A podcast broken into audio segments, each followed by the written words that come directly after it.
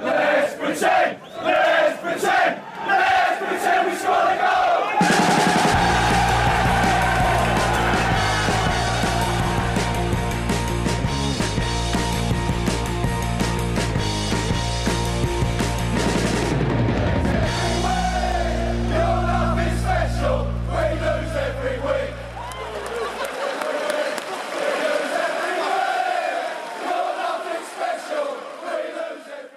Ja, hjärtligt välkomna hälsar vi då till Sportbladets Premier League-podd.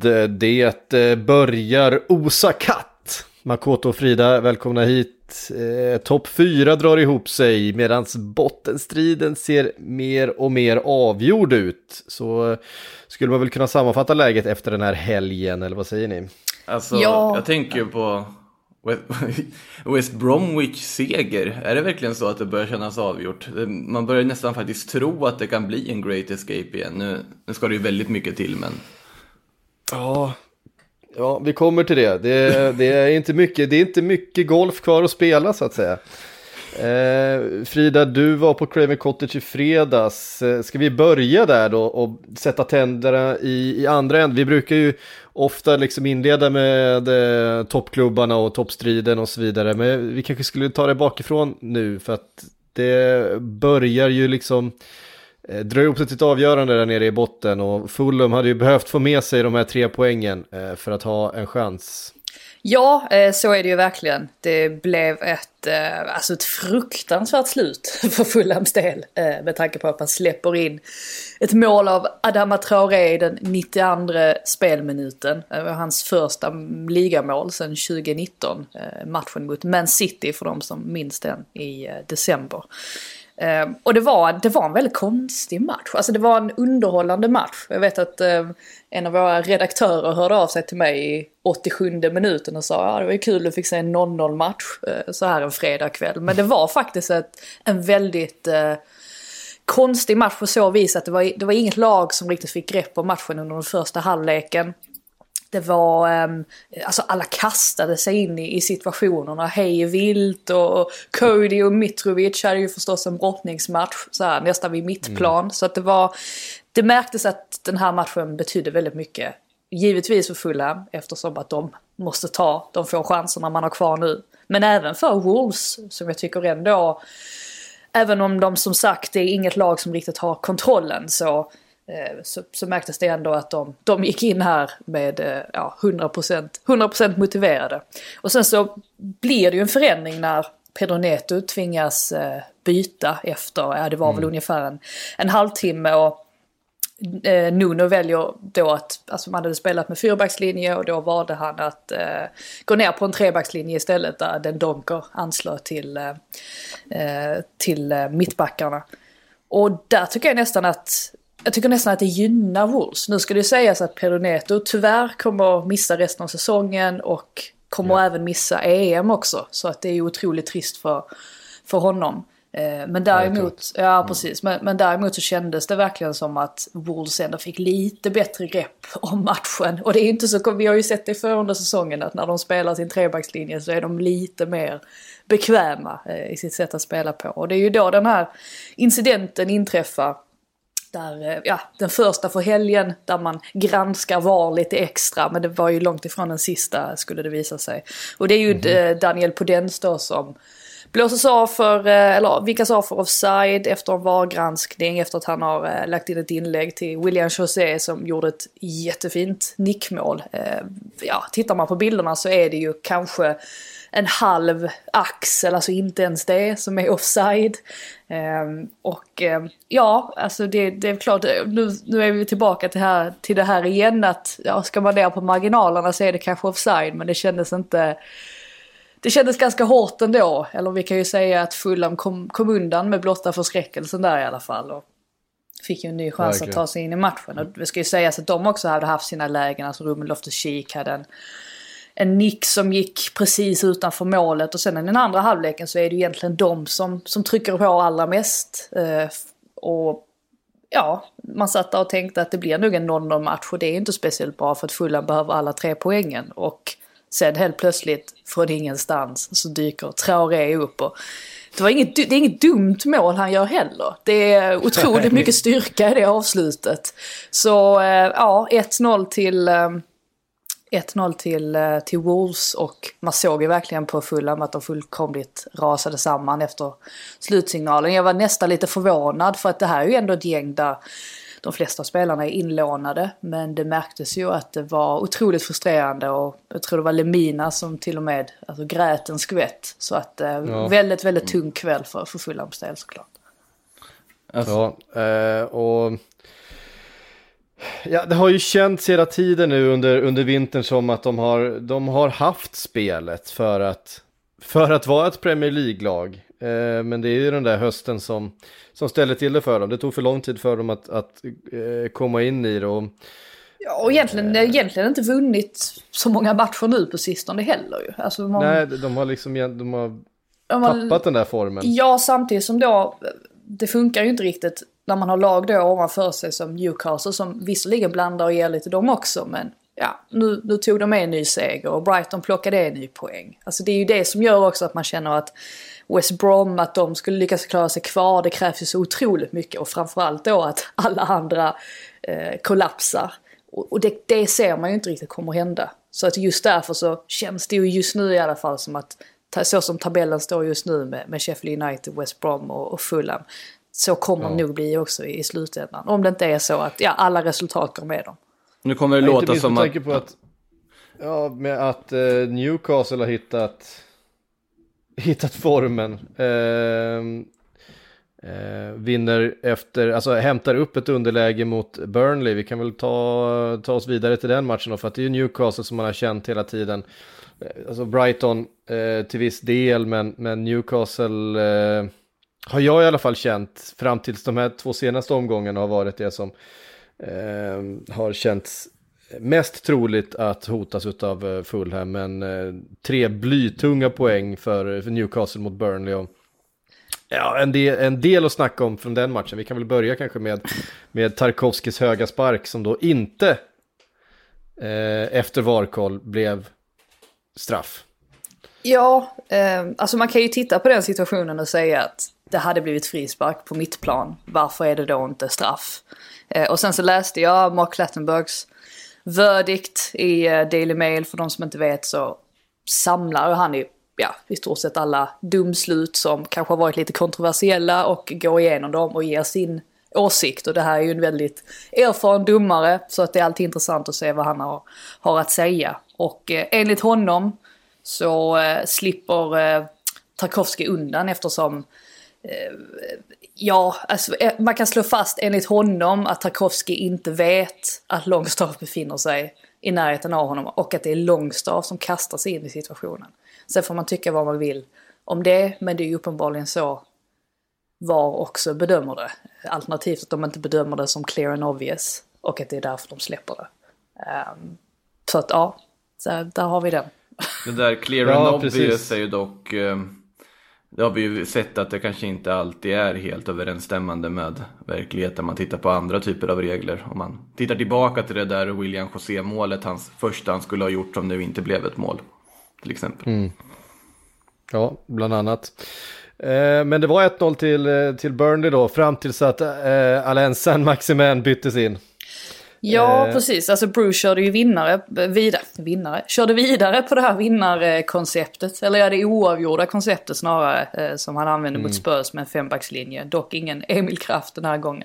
Det var ingen skräll. Eh, det brukar ju bli så när Bruce, Bruce vinner en match med ett system. Då kör man gärna vidare på det tills man inte kan köra på det längre för att motståndarna har sett igenom en totalt. Men här fungerade det ju också eh, uppenbarligen hyfsat bra i slutändan.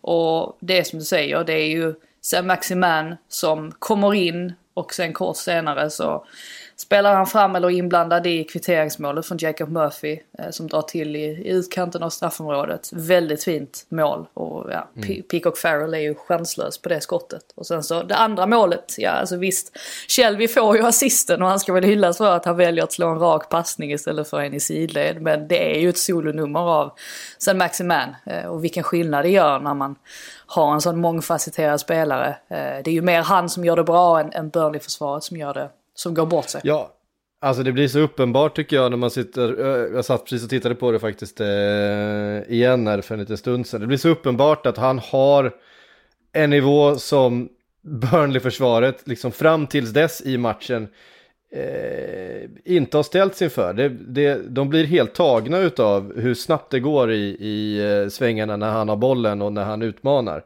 Att de, de står på hälarna hela högen fastän att de har försvarat bra under matchen. Stått rätt och så vidare så har de inte, eh, de är helt enkelt inte beredda på den, på den tempoväxlingen som han har. Det, eh, den är otrolig faktiskt. Mm. Eh, han är väldigt, väldigt skicklig en mot en, får man säga minst sagt. Ja, det. Kanske bäst i hela ligan skulle jag vilja påstå. Ja, alltså en av de bästa definitivt. Och eh, ja, man ser nu här att den tre po- poängen kom ju i, i rättan tid för helt plötsligt så är man ju Ja man är ju uppe på samma poäng som, som Brighton nu i alla fall. Man har, eh, nej men just det man är en poäng bakom både Brighton och eh, Burnley. Och sen så har man ju ändå ett litet avstånd ner nu till Fulham. Vilket gör att man måste ju få lite, lite större ro kan man tycka. Ja, det är sex poäng med en match mindre spelad då för eh, Newcastle just nu då ner till, eh, ner till Fulham. Och det är för Fulhams del bara sex matcher kvar att spela. Eh, och det känns som att det är för lite, för lite att jobba på. Det ska ju enkelt. mycket till om man liksom med fyra raka förluster i ett sånt här läge av säsongen ändå kunna liksom iscensätta en sån great escape. Så det känns Man måste som se också på, på vilka de möter. Alltså det är ju Arsenal, det är Chelsea, de har Man United kvar. Det är inga enkla motståndare heller. Och så dessutom då Newcastle i sista omgången. Så att ja, det ser lite kärvt ut. Ja, precis. Eh, så att eh, dels det då, sen får vi väl nämna West Brom som har hittat formen här efter storseger mot Chelsea förra veckan så eh, spelar man ut Southampton eh, med 3-0. Jag vet inte vad som har hänt med West Brom. Nej, men det var ju också eh, lite VAR-kontrovers där ju. Eh, under den eh, första halvleken när de får ett mål, mål bortdömt West Brom. Eh, och så tittar man på bilder och det är ju, ja så tittar man på bilderna och tänker att vad, uh, okej, alltså för att då måste det ha varit så att linjemannen ansåg att Bartley stod offside men han var ju inte involverad i spelet vilket gjorde att man inte, man förstod ingenting alls men sen så kom det ett uttalande senare under kvällen där förklaringen löd att videodomaren inte kunde gå in och ändra linjemannens beslut eftersom han inte hade, han kunde inte hitta en tillräckligt bra kameravinkel. Och- då, då tappar man ju ännu mer hoppet om VAR för att... ja, Då faller hela systemet då här faller- liksom. Då faller hela systemet. Inte att, kameravinkeln hela meningen med systemet liksom? Ja, eh, så att eh, ja, det var ju fel av linjemannen, givetvis. Men det gjorde ju inte så mycket, eh, lyckligtvis, sett till matchens utgång. Nej, exakt. Och det är ju både i fallet med eh, Tarkovskis höga spark och den här offsiden så, så blir de ju inte matchavgörande. Vi kommer ju komma in på en till offside-situation sen som eh, eh, ja, eh, blev omdiskuterad i alla fall, men som heller inte blev matchavgörande i slutändan. Och man måste nämna att Callum Robinson fick göra mål mot en motståndare som inte är Chelsea. Bara en sån sak. Dessutom. Och Ward Prowse missar straff. Så det hände ändå en del i matchen. Eh, ja, det hände väldigt mycket. Det var faktiskt en, en eh, väldigt underhållande match. Eh, Southampton har, jag vet inte, det har liksom, de har befunnit sig där i, i, i mitten och... Det är ingen bra säsong Det de ser, det, ser ut, alltså. det, ser ut, ja, men det ser ut som de är på playan redan. Eh, Jag vet inte om de satsar fullt ut på FA-cupen eller vad de sysslar med. Eh, Jag tycker ju framförallt att försvarsspelet på Robinsons mål är ju totaluselt. De hänger ju inte, de är ju inte alls påslagna eh, överhuvudtaget. Och Hasselhüttel sa väl det efter matchen också att så här kan vi inte spela mot Leicester om vi vill ta oss vidare till final. Så att, eh, Nej, och det har han ju helt rätt i. Men alltså Ja, det med, all en- respekt mot, eh, med all respekt mot West Bromwich, att släppa in tre mål mot West Bromwich är väl en ganska tydlig indikator på att någonting inte har fungerat. Eh, I allmänhet, tänker man ju. Så är det ju. Det är lite den här Crystal Palace från förra säsongen varning. När de bara la av och bara skulle spela av säsongen på slutet. Men detta är ju inte det värsta egentligen. Alltså nio mål mot Man United var ju faktiskt ändå värre trots att de hade en man utvisad. Um, från något kött. Det Men det har vi ju en per säsong har vi lärt oss nu, nu för tiden. Med Ja, i och för sig. Men å andra det- sidan, We- West Brom gjorde ju, gjorde ju fem mål här mot Chelsea. Så att De är Och på det gång. försvarsspelet var ju inte heller bra, om säger så. Det var ju också ett haveri. Så att, äh, men eh, West Brom, alltså det är åtta mål på två matcher. Det hade man inte riktigt trott att det här Sam Allardyce-laget kanske skulle skramla ihop under säsongen. Därav att man ändå på något sätt ser att finns det någon liten mirakulös möjlighet någonstans ingömd för att de på något sätt ska rädda sig. Man hade ju Alltså om West Bromwich klarar sig på säg bekostnad av Brighton, det är förlusten för fotboll det hade varit. Som, ja, men på något sätt, om man också, det hade nästan varit underhållande så illa som det hade varit. Det var ju, jag tror det var, måste ha varit sex- 15-16 år sedan som de gjorde den här Great Escape. Eh, när de låg sist i december och sen så lyckades de ändå klamra sig fast. Eh, ser ju inte att det, ser ju inte att det kommer hända men det, det är ju på grund av konkurrenterna. Eh, inte så mycket för att jag inte tror att de inte kommer att plocka fler poäng. Eh, utan att då, ska, då måste ju Brighton, Fulham måste rasa, Brighton måste rasa, Newcastle måste rasa. Kanske till och med Bra- Burnley också. Alltså om man nu... och det är ju ganska det är mycket ju- begärt. Det är ju Newcastle som är närmast där på 17, po- eller på 17 plats då och de är 8 poäng före ehm, West Brom och, och dessutom en målskillnad som, eh, ja det skiljer 12 mål. Och det är klart, tar man igen 8 poäng på Newcastle kanske man också tar igen de 12 målen med tanke på vilken, vilket målstim de är i. Men... ehm, Det nej, ska inte kunna gå. Det ska ju inte kunna nej, gå. Det ska, det, ska inte, det ska inte kunna gå faktiskt. Ehm, Eh, jag, jag tycker det känns som att den här bottenstriden, det ska hända något väldigt, väldigt speciellt. Alltså, West Brom skulle nästan behöva gå, på de här sju matcherna, behöva kanske ta 12-14 poäng någonting. För Newcastle kommer ju inte liksom eh, ta noll poäng under de här eh, resterande matcherna.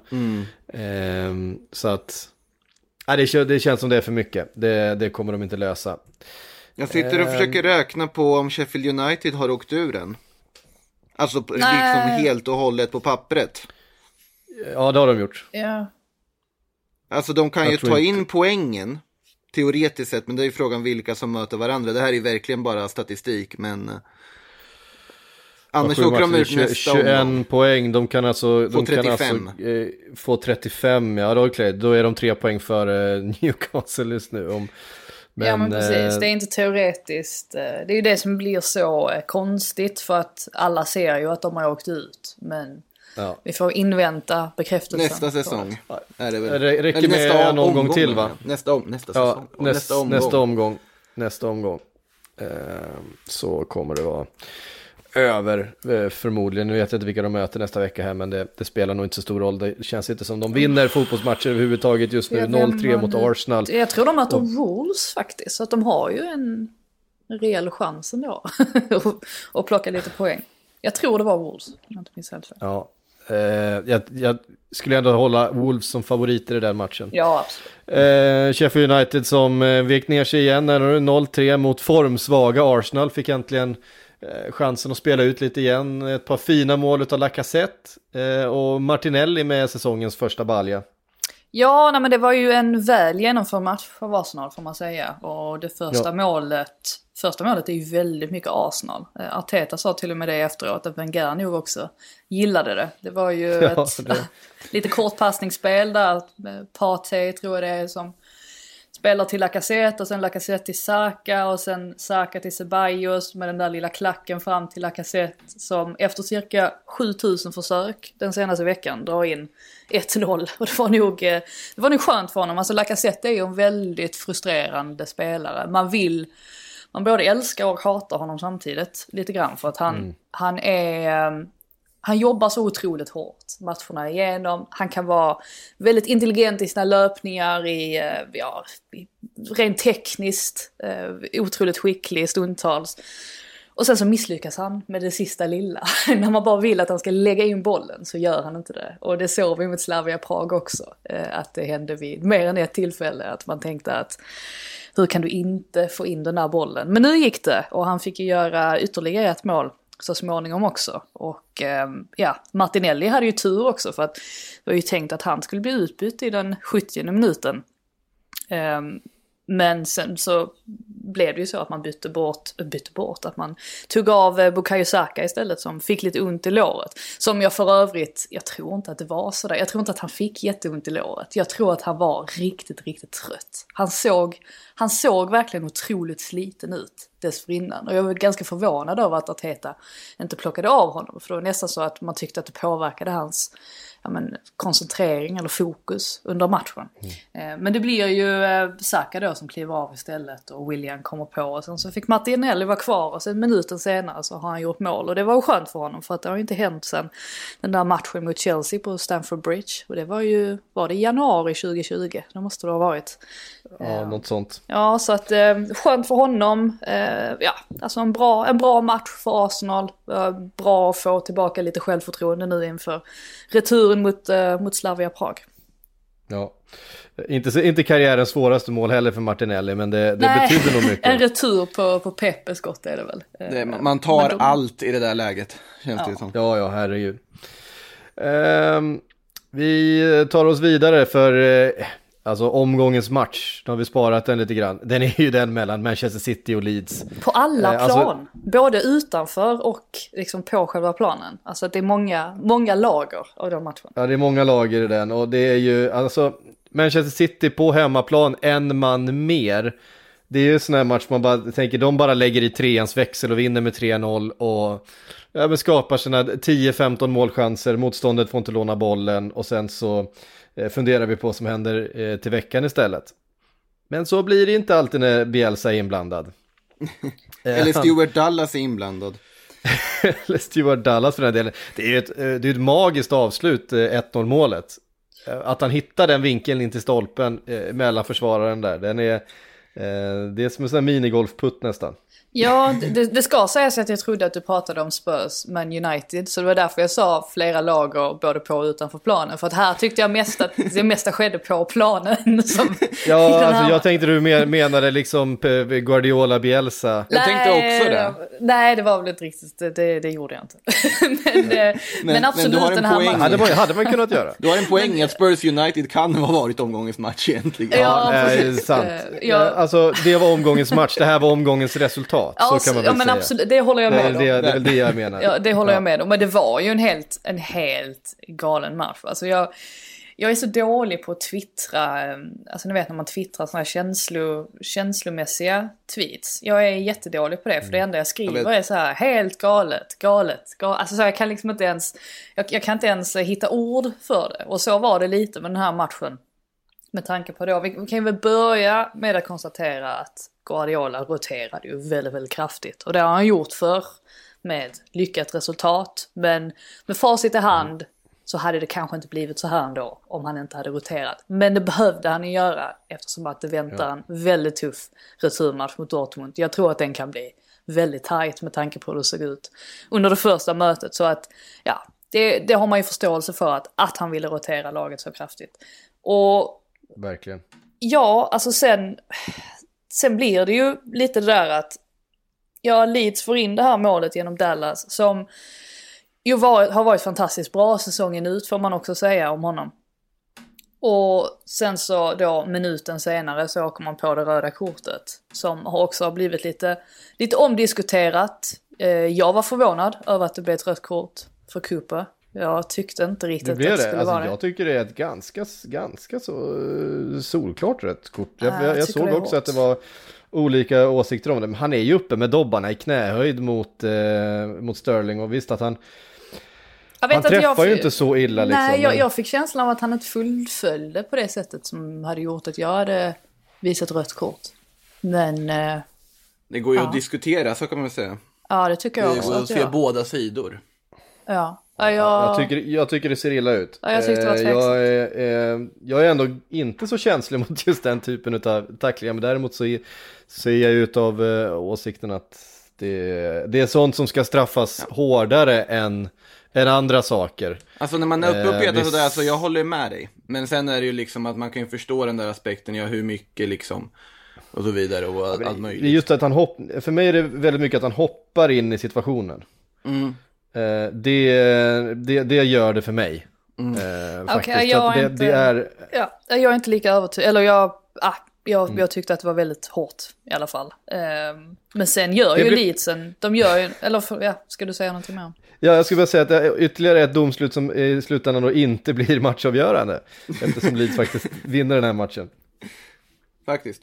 Ja, nej men precis. Och sen så i den andra halvleken så gör de ju en heroisk insats. Jag vet inte om ni såg, eh, ja när man såg de här, alltså vad säger man, värmekraterna. eh, alltså på hur många, Ja. många avslut eh, City hade kontra, kontra Leeds då. Alltså de är uppe i liksom 29 målchanser. Och Leeds hade två skott på mål under hela matchen och gör två mål. Alltså snacka om att vara effektiva också. Och just att Dallas andra mål kommer i 91 minuten gör ju det hela ännu mer, ännu mer galet. Um, ska ju sägas också att Torres såklart hade kvitterat dessförinnan. Eh, så där tänkte man väl att nu får ju City i alla fall med sig någonting, alternativt att de kommer trycka på ännu mer och få med sig alla tre poäng. Men så blev det inte. Ja, det var ju inte så att City inte skapade några målchanser. Nej, nej, De, de dominerade ju den här matchen. Det var ju inte liksom, det var ju till att börja med inte direkt rättvist när, när Dallas gör 1-0. Ehm, det, det kändes ju lite, alltså Leeds har ju två, två målchanser i den här matchen, i stort sett. Eh, och sätter båda två. Alltså. Dallas framfart måste väl vara en av de mest, alltså det har ju säkert eh, dissekerats förut och sagts förut, men alltså tåls att återupprepas. Alltså Dallas framfart är en av de mest oklara och oväntade på den här säsongen. Att han som man tänker, ja, men han skulle vara ytterback typ, att han går in på ett innermittfält och sen bara öser in mål i Premier League på det här sättet. Och drömmål dessutom stundtals. Är det Ja, han, har fascinerande? ju, han har ju varit Leeds, en av Leeds absolut bästa spelare den här säsongen. Så att, men han är ju väldigt, han är ju ganska versatile också. Alltså han, liksom, ja alltså främst kan han ju, främst är han ju vänsterback men att han både kan spela högerback och central mittfältare. Eh, Det är ju ett väldigt, eh, ja alltså det är en, det är en mång, mångfacetterad spelare helt enkelt. eh, Som har gjort, eh, ja, gjort det väldigt bra. Absolut.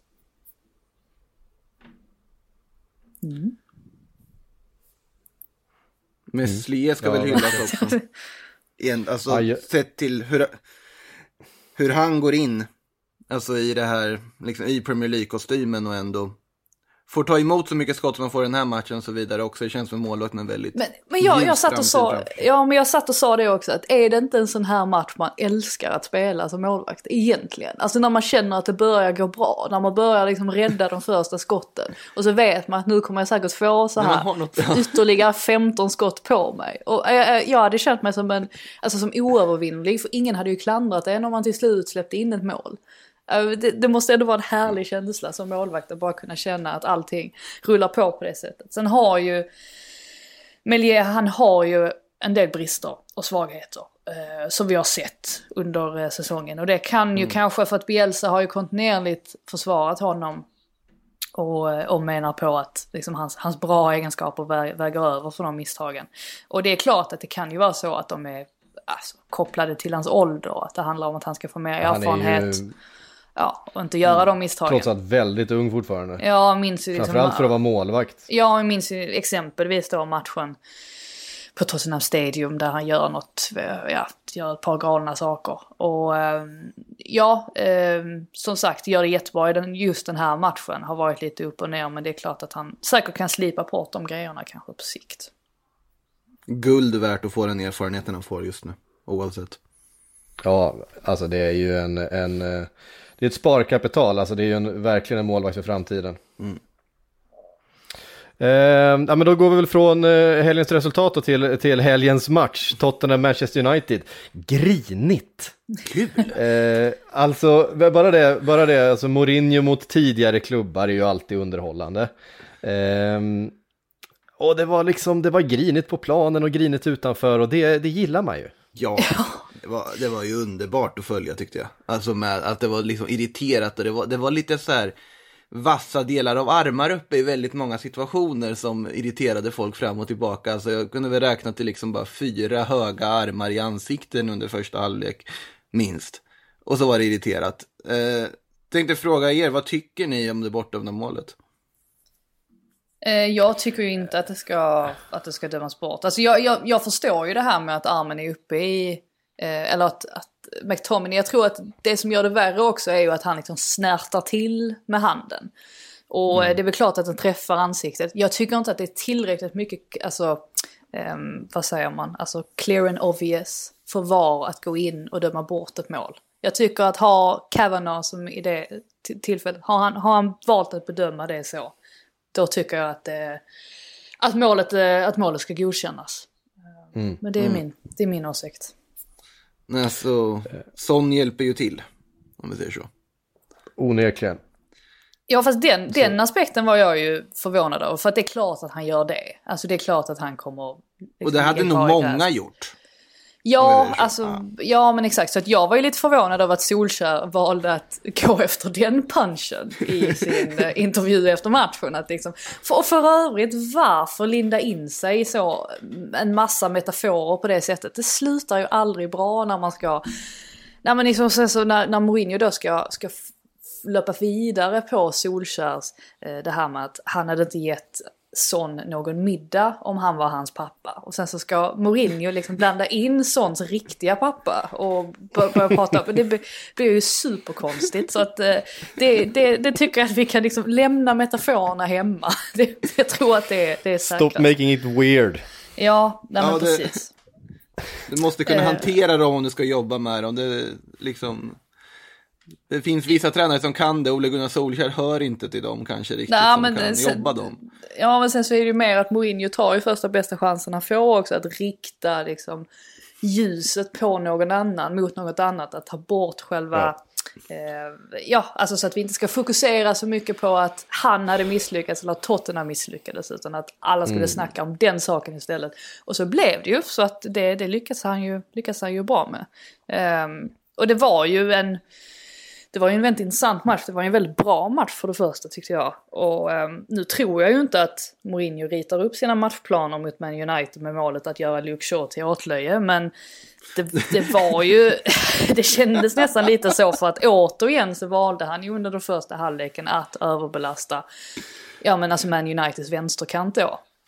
Genom att trycka upp då och Riel låg väldigt högt upp och sen så var det ju tänkt att han liksom skulle kombinera med eh, Lucas Mora då som, Eh, ja, som gjorde att Luke Shaw inte riktigt visste om ska jag gå upp på Riel, ska jag försöka hålla koll på Lucas istället.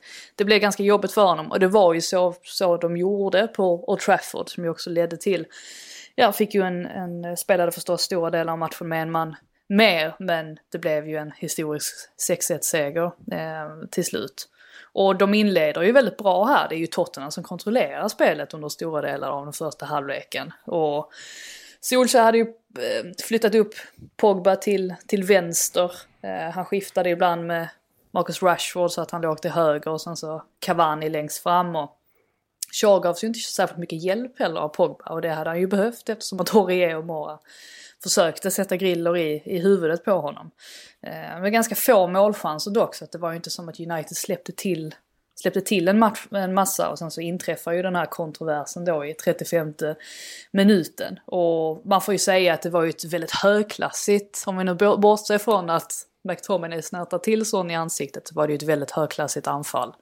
Eh, med Pogba då som höll i bollen i straffområdet för att därefter peta fram emot Cavani. Så att eh, ja, där, där tänkte man väl lite att Eh, ja, att Spurs hade turen på sin sida, att de hade lite flyt.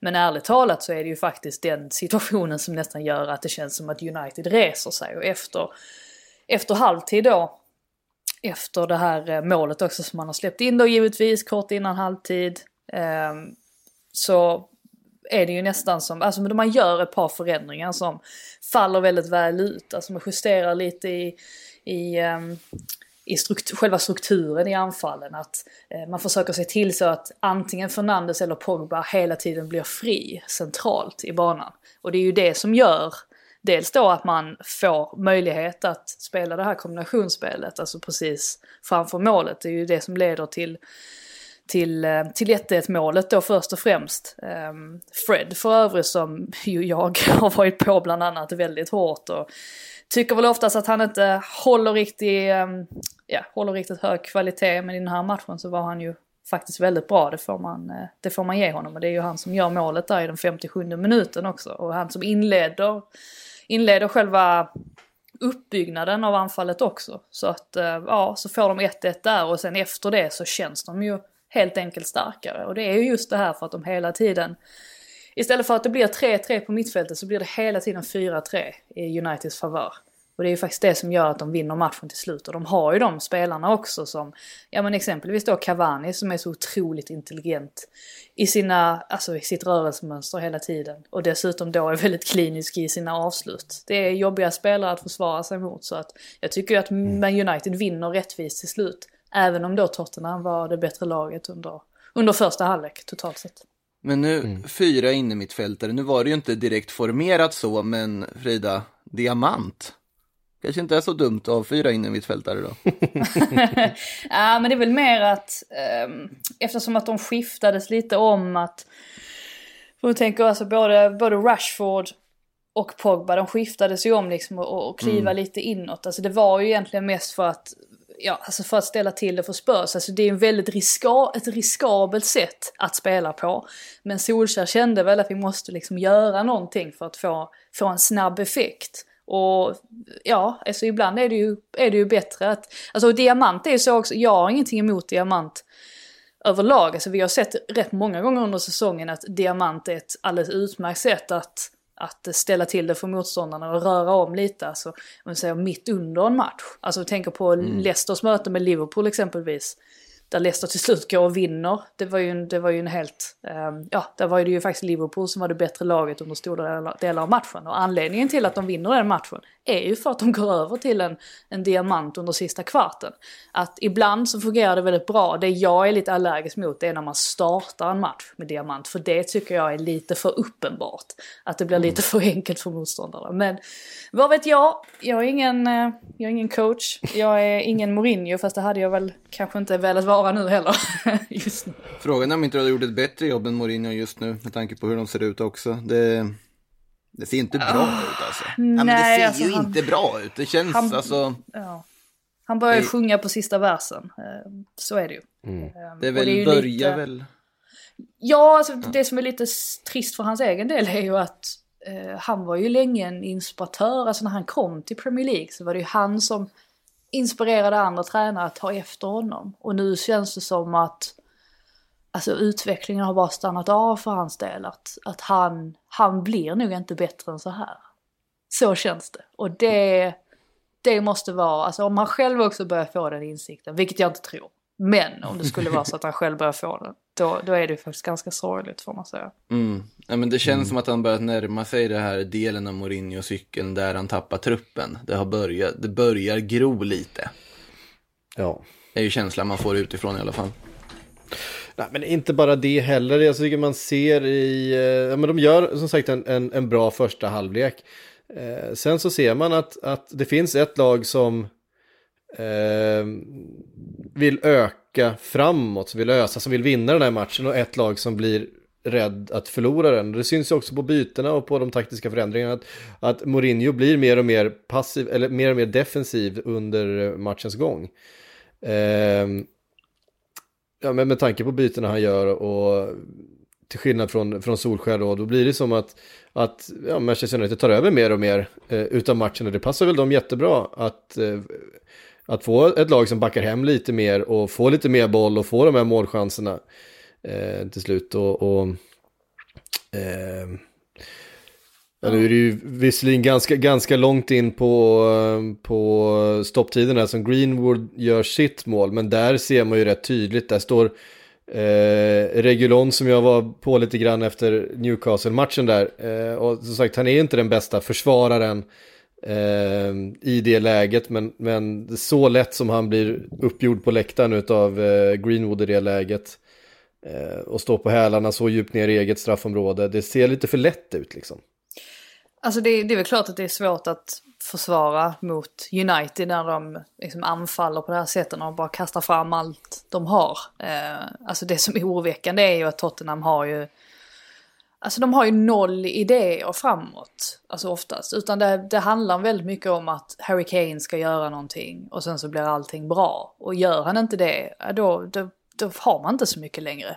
Eh, och ja, alltså vi får se nu men det är väl klart att det är oroväckande att det dyker upp ganska ja, men, tillförlitliga rykten om att Harry Kane, om det skulle vara så att Tottenham nu missar Champions League-plats så vill han verkligen lämna klubben. Sen ska det ju mycket till såklart. Alltså någon ska ha råd att betala för honom, vilket inte alls är säkert eh, att någon kommer ha. Eh, sen samtidigt vill man ha kvar, om vi säger att det blir en enda lång cirkus under sommaren och Harry Kane vill lämna och de försöker få till en övergång och sen så slutar de med att han blir kvar. Det är ju inte heller en optimal situation. Och det kanske också är lite, lite obekvämt för alla parter om man då till slut tvingas stanna ändå. Och vad kommer hända med Mourinho, alltså om det är så att man missar Europa League-platser? Har man råd att göra sig av med honom? Plocka in någon annan? Det är, ja, det är... Um, det är ganska pre en prekär situation för Tottenham mm. att befinna sig i och det är inte helt enkelt att ta sig ur den heller. Nej. Ehm, det är lite eh, tveksamheter där och frågan är vem som ehm, ja, vem som eh, ska kunna rädda upp det här, vad som händer framöver, blir Harry Kane kvar i sommar och så vidare. Det, eh, det känns som att det här kanske också är ändhållplats för det lag som Pochettino byggde upp och att det behövs byggas någonting någonting nytt för att det byggde ju väldigt mycket, byggdes ju runt Harry Kane såklart och det är ju han som har varit talismanen för, för det här laget och för Tottenhams liksom resa upp på den här nivån till Champions League-finalen 2019 eh, och de ändå jättefina säsongerna som man har gjort Jo men det sa ju Pochettino redan på sin tid ju. Alltså det var ju egentligen mm. det som gjorde att han och Livi kanske inte var på särskilt god fot mot slutet. Det var ju att Pochettino ville att den här generationsväxlingen skulle, skulle ske. Eh, och han tyckte att det gick för långsamt. Och eh, sen hade man ju hela kontraktssituationen också. Att var, ja, det var väldigt mycket stök med det.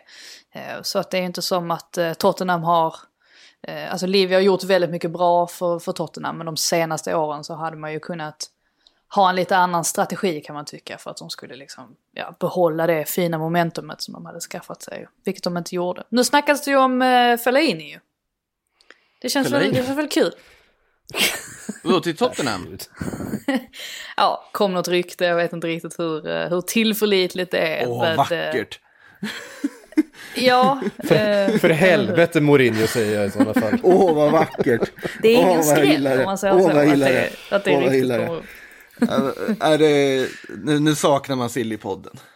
Det gör man. Åh, vad man saknar den. Det, det hade man kunnat mysa med Fellaini och eh, såga Keynes idé, men det kanske vi inte ska ta här när vi... Det hade vi kunnat, hade vi kunnat riffa på ett tag om man säger så. Ja, vi, vi, hade, vi hade kunnat uh, fixa körscheman i flera veckor på det här ryktet. Vi får ja. dra igång det där snart, Syk. Ja, vi får göra det. Uh, Palace-Chelsea. 1-4. Eh, Havertz och Pulisic har jag skrivit upp eh, som punkter att diskutera. Havertz som 1 eh, plus 1 där i första, ja, vad var det? Första halvtimmen, det står 3-0. Eh, ja. Första 10 minuterna till och med gör han väl 1 plus 1. Är det, så, är det så snabbt det går? Ja, fast 3-0 eh. har du rätt det är halvtimmen. Ja, precis. Ja, precis. Ja, just det. Um, det var det, ja precis, han, det är ju första och andra målet där som han uh, gör och spelar fram till. Ja, Claes of Kai, uh, som utbrast här i sändningen. Och uh, ja, nej, men han, han var ju, han var ju väldigt bra. Uh, borde ju till och med ha gjort, uh, ha gjort hattrick i den här matchen, uh, ärligt talat. För så mycket, mm. så många, ja, så många lägen tog de sig fram till Chelsea. Egentligen är mitt favorit när alltså, Jorginho drar en boll i djupled till Havertz som plockar ner den med vänster och sen så drar han till den med högern och Guaita räddar ju det skottet. Men eh, det är nästan så att det hade förtjänat att gå in för att det var en väldigt fin aktion från honom och det var säkert skönt också att han eller det är klart att det är skönt för honom att kunna bevisa sig i den rollen också som falsk nia. Eh, som jag tycker han gör sig väldigt bra i. Eh, och med tanke på då att Pulisic som återigen då fick spela på vänsterkanten också gör en, en fin match och får utdelning poängmässigt så börjar man ju tänka att det kan, ja helt plötsligt kan bli ganska svårt för Werner att ta sig in i, eh, i det här laget. Eh, vilket är bra tror jag. De behöver ju verkligen den Eh, jag tycker ändå de behöver den konkurrensen och med tanke på att Werner då också inte heller har haft en, en spikrak säsong så kan det säkert bara vara positivt. Ehm, nej äh, men så utmärkt match får man säga, för Chelsea att kunna studsa tillbaka efter det här haveriet mot West Brom då med många mål. Eh, Zuma då som alltid är lika säker i, i luftrummet och får dundra in ett mål. Och sen så är det klart att Benteke får in den där reduceringen sen. Och, och, och vilket nickmål för övrigt. Alltså så mycket power i den nicken.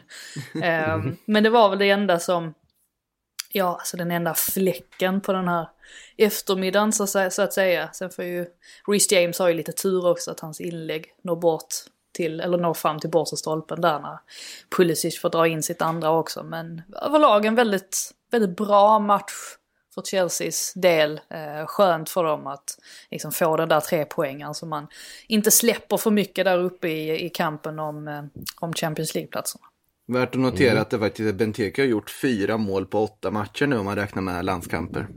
Ja, det är ju typ det... 25 mål från, från liksom Harry Kane. Alltså lite så. för, för en vanlig anfallare. Ja, för en vanlig anfallare. ja, men det är ju typ så.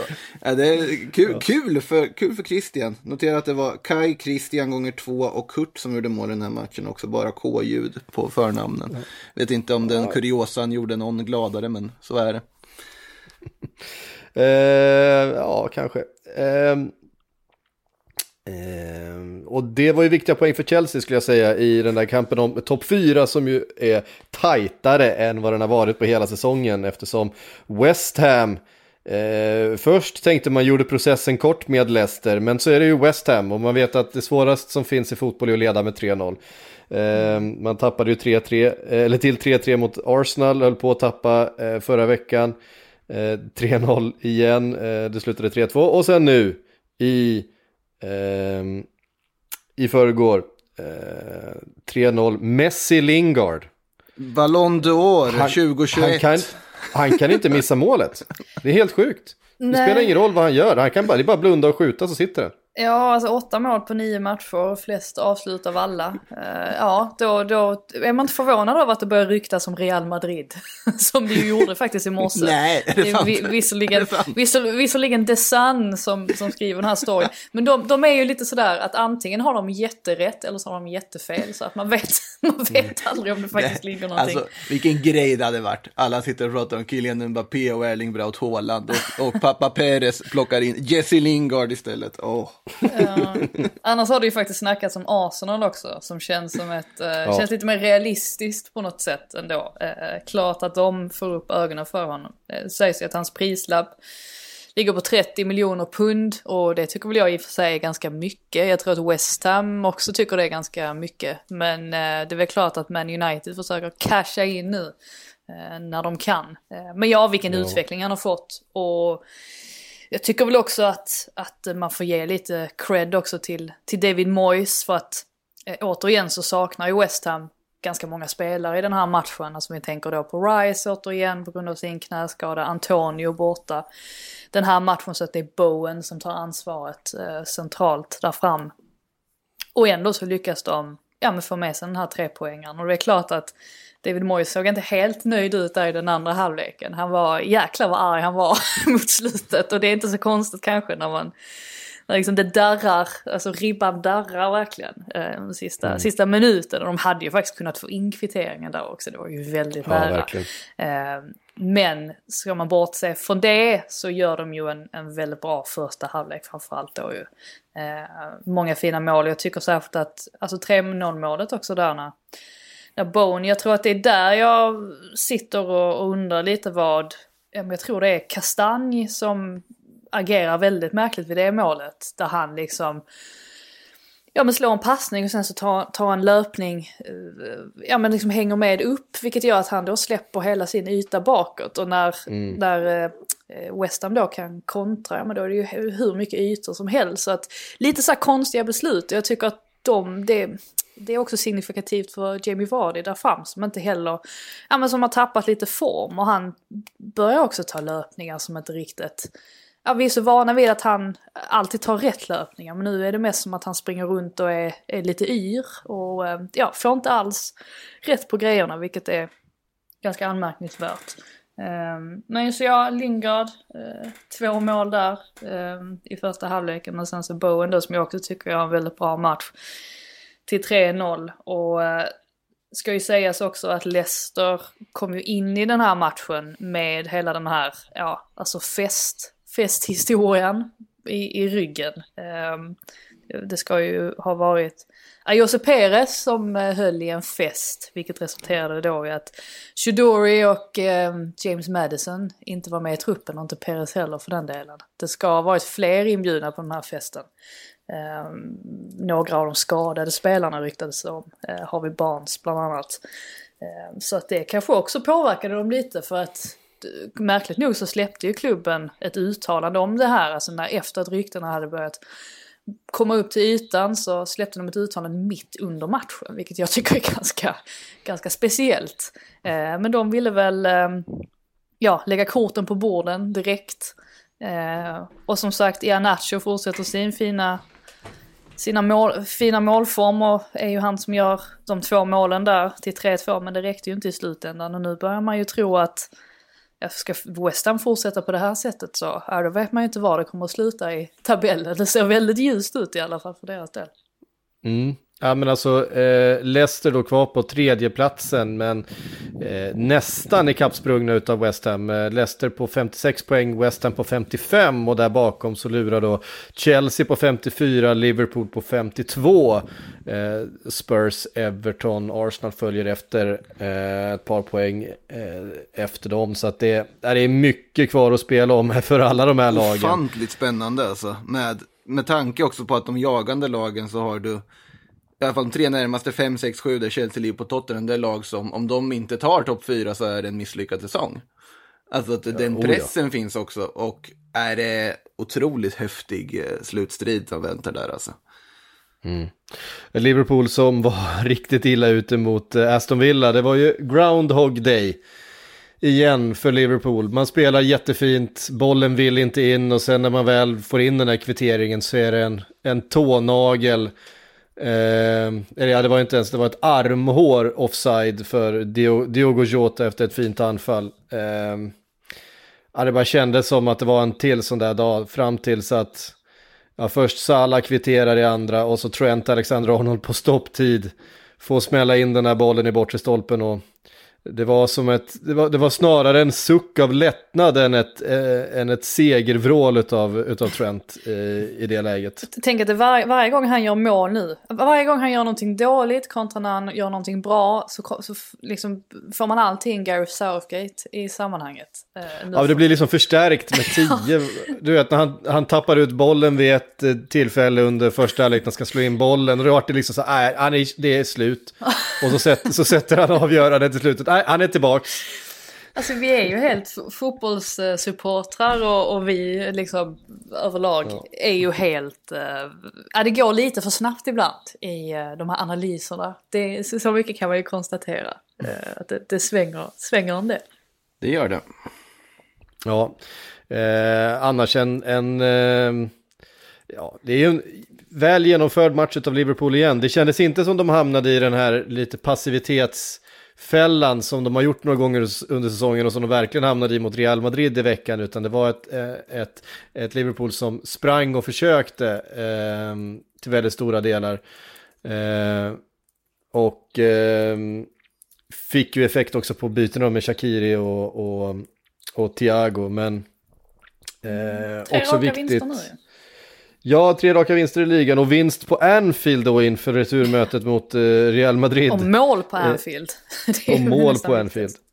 Ja, det, det, har inte varit eh, så mycket mer. Nej, det kändes som att ja, det var oerhört förösande eh, segermålet där på, på så många sätt för att jag har sett det så många gånger under den här vintern. Ett Liverpool som visst kanske inte spelar på sin allra högsta nivå men som är klart bättre än motståndet men får bara inte in bollen. Eh, det är liksom frilägen som missas och det är ja, det ena med det andra. Den här... Eh, och det hände ju även i den här matchen fram tills att till slut då eh, Trent kunde sätta segermål. Och det var ju nära för Trezeguet, han hade ju en boll insidan av stolpen i andra halvlek där för att ge Aston Villa ledningen 2-1 istället. Så ja, på tal om äh, Trezeguet också så äh, är det ju ytterligare ett avbräck där för Aston Villa. Det ser ut som att han missar resten av säsongen också. Mm.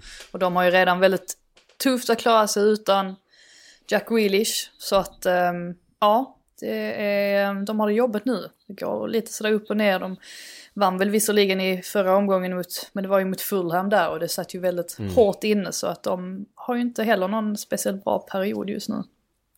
Nej.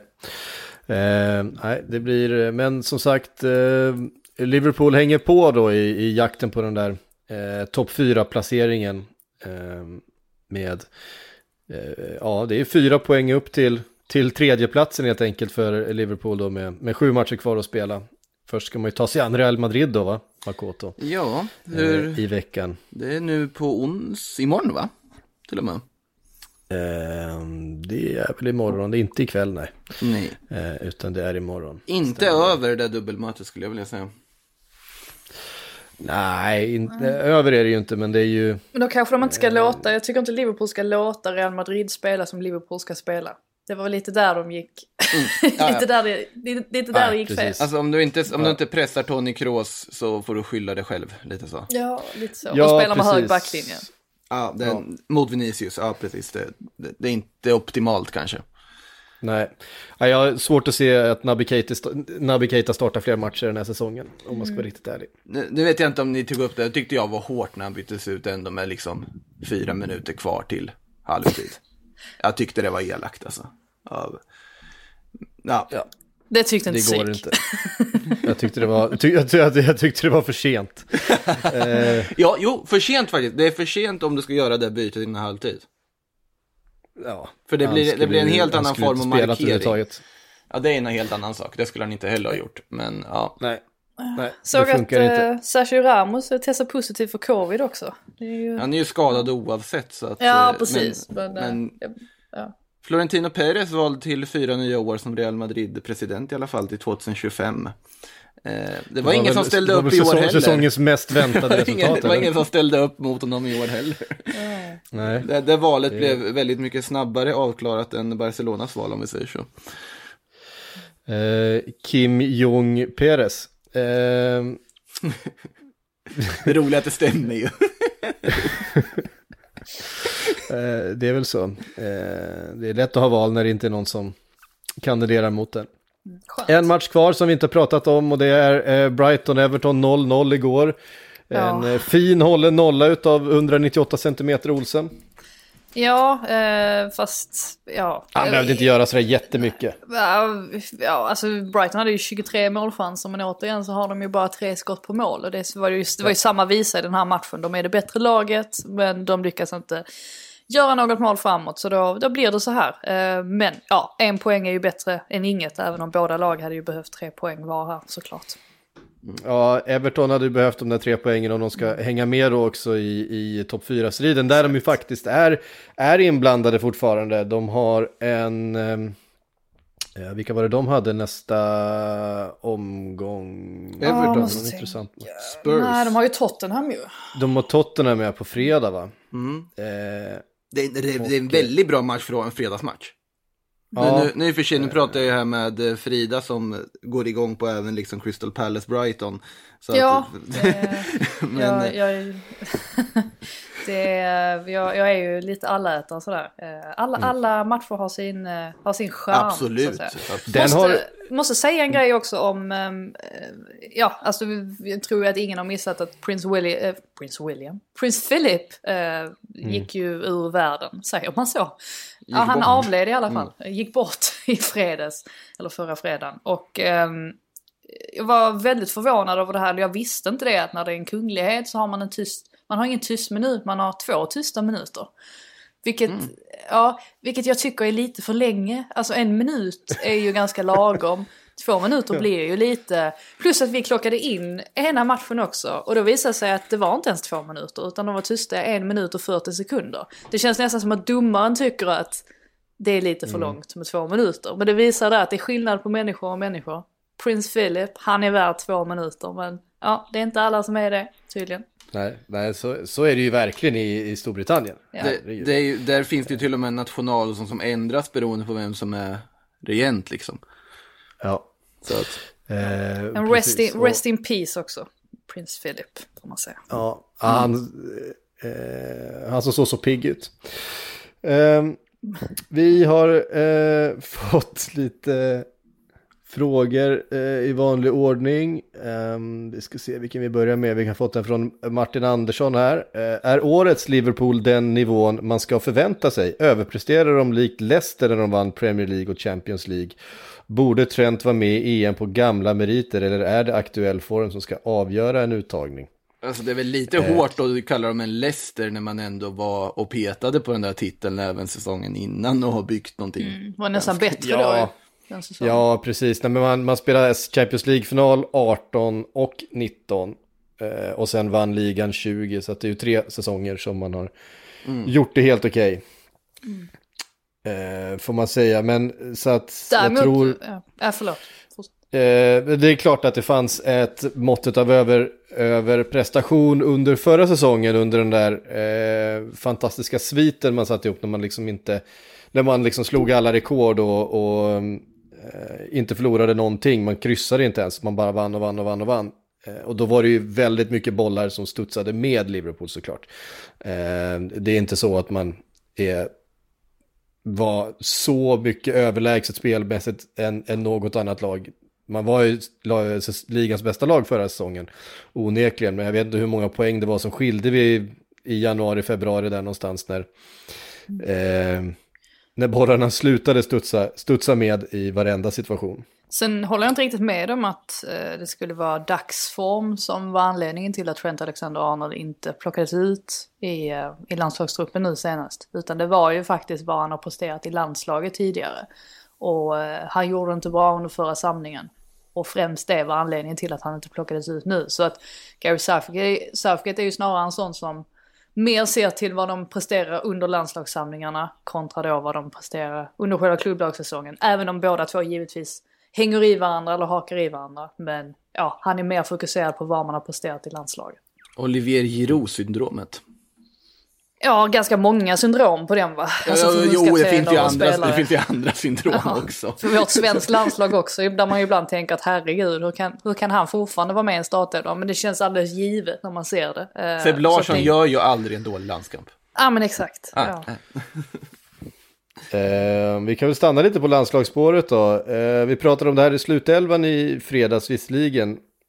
Eh, Mackan skriver eftersom Frida gillar frågor om Englands EM-trupp så undrar jag, ska Jude Bellingham med i sommar? Otroligt bra i Champions League-kvarten mot City. Ja, väldigt intressant också för jag läste en eh, krönika av Michael Richards förra veckan. Där han menade att Jude Bellingham absolut inte ska med till EM och det var inte baserat på att Bellingham inte skulle att han inte skulle klara av det eh, eller att han inte har kvalitet nog utan det handlade mer om att man skulle skydda honom eftersom att han bara är 17 år gammal. Samtidigt så tycker jag att eh, Alltså är man så pass bra som Bellingham är och så pass mogen också i sitt spel som han redan nu är så är det väl alldeles utmärkt att ta med honom på en sån här turnering så att han får lära sig hur allting fungerar. För det är ju ändå mm. en liten annan sorts verklighet äh, än att spela med, med klubblaget vecka in och, och vecka ut. Och dessutom så har inte England sådär jättemånga alternativ på de positionerna. Särskilt inte nu med, med Declan Rice, Rice skadad. Äh, det, det, har ju öppnat upp sig. Nu vet jag inte, nu ser det väl ut som att Rice kommer att bli återställd till EM. Äh, men det har ju ändå öppnat upp sig lite grann. Så att jag tycker absolut att han ska med. Eh, och jag tror väl eh, att han säkert har, ah, han har en jätteljus framtid eh, till, att gå till mötes. och jag tycker att, ja, är man redan så här bra så ska man absolut med till EM också. Instämmer helt, alltså det, jag, tänk, jag tänker på den här gamla Theo Walcott-resan han gjorde till ett mästerskap en gång när han inte kanske ja, var riktigt det, redo. Det men det här är skillnad. Det här ja. är skillnad, för det här, det här är en spelare som på något helt annat sätt känns bara, han skulle faktiskt platsa i det här laget. Och även ja. om man kanske inte går in och startar eller liksom går in och får så mycket minuter, bara att få med honom är ju jättevärdefullt. Så utan tvekan tycker jag han ska vara med i truppen. Ja, Theo var ju lite mer sådär, liksom, var, ja, okej, okay, Svennis. exakt, exakt, exakt. Det här är ju inte det. Det här är ju inte det. Om Theo Walcott kan komma med på de meriterna han hade då, då ska, då ska Jude Bellingham vara med. Mm. Ja, alltså, ehm, jag tänker tillbaka till en Michael Owen som 17 år åker till VM och, och är bäst i laget i stort sett. Eh, vi har ju sett det hända. Mm. Hans eh, Sjölinder skriver, vem ska ersätta Arteta efter förlusten på torsdag? Eh, Allegri. det ser ju jäkligt illa ut i Arsenal just nu. Visst, de vann med 3-0 mot Sheffield United, men eh, det är ju Sheffield United det. Eh, varför de inte tränaren det sitter i? Ja, nej, alltså det är väl klart. Alltså sen återigen så tyckte inte jag, man gjorde, jag tyckte inte man gjorde en dålig match mot Slavia Prag på The Emirates. Det är, men återigen så är det att man inte, man sätter inte sina chanser. Och det är väl klart att någonstans så bär ju Arteta det yttersta ansvaret. Jag tyckte att han gick bort sig extremt mycket i eh, mötet med Liverpool. Eh, men jag tror inte att han sitter, sitter löst just nu. Jag tror det kommer krävas ganska mycket för att han ska försvinna. Och dessutom så vet jag inte riktigt vem som skulle gå in då istället för honom. Ja, skulle det vara Nagelsmann om man kan få honom kanske. Men nej, så att jag... Um... Potter. Ja, Potter hade jag är inte tackat nej till Potter. men eh, nej, vi får se nu hur det går mot eh, Slavia Prag. Eh, jag kan ju mycket väl säga att de åker ut. Och då får man ju ta det därifrån beroende på hur de har presterat. Men det skulle inte heller förvåna mig om de går och vinner den matchen. För att ibland bara sprattlar de till. Och eh, ja, ja vi, får, alltså, vi får se helt enkelt. Alltså ja, men om, vi, om vi säger så här då, om vi, om vi summerar säsongen med att ja, men Arsenal kniper typ en åttonde plats, åker ur Europa League i kvartsfinal.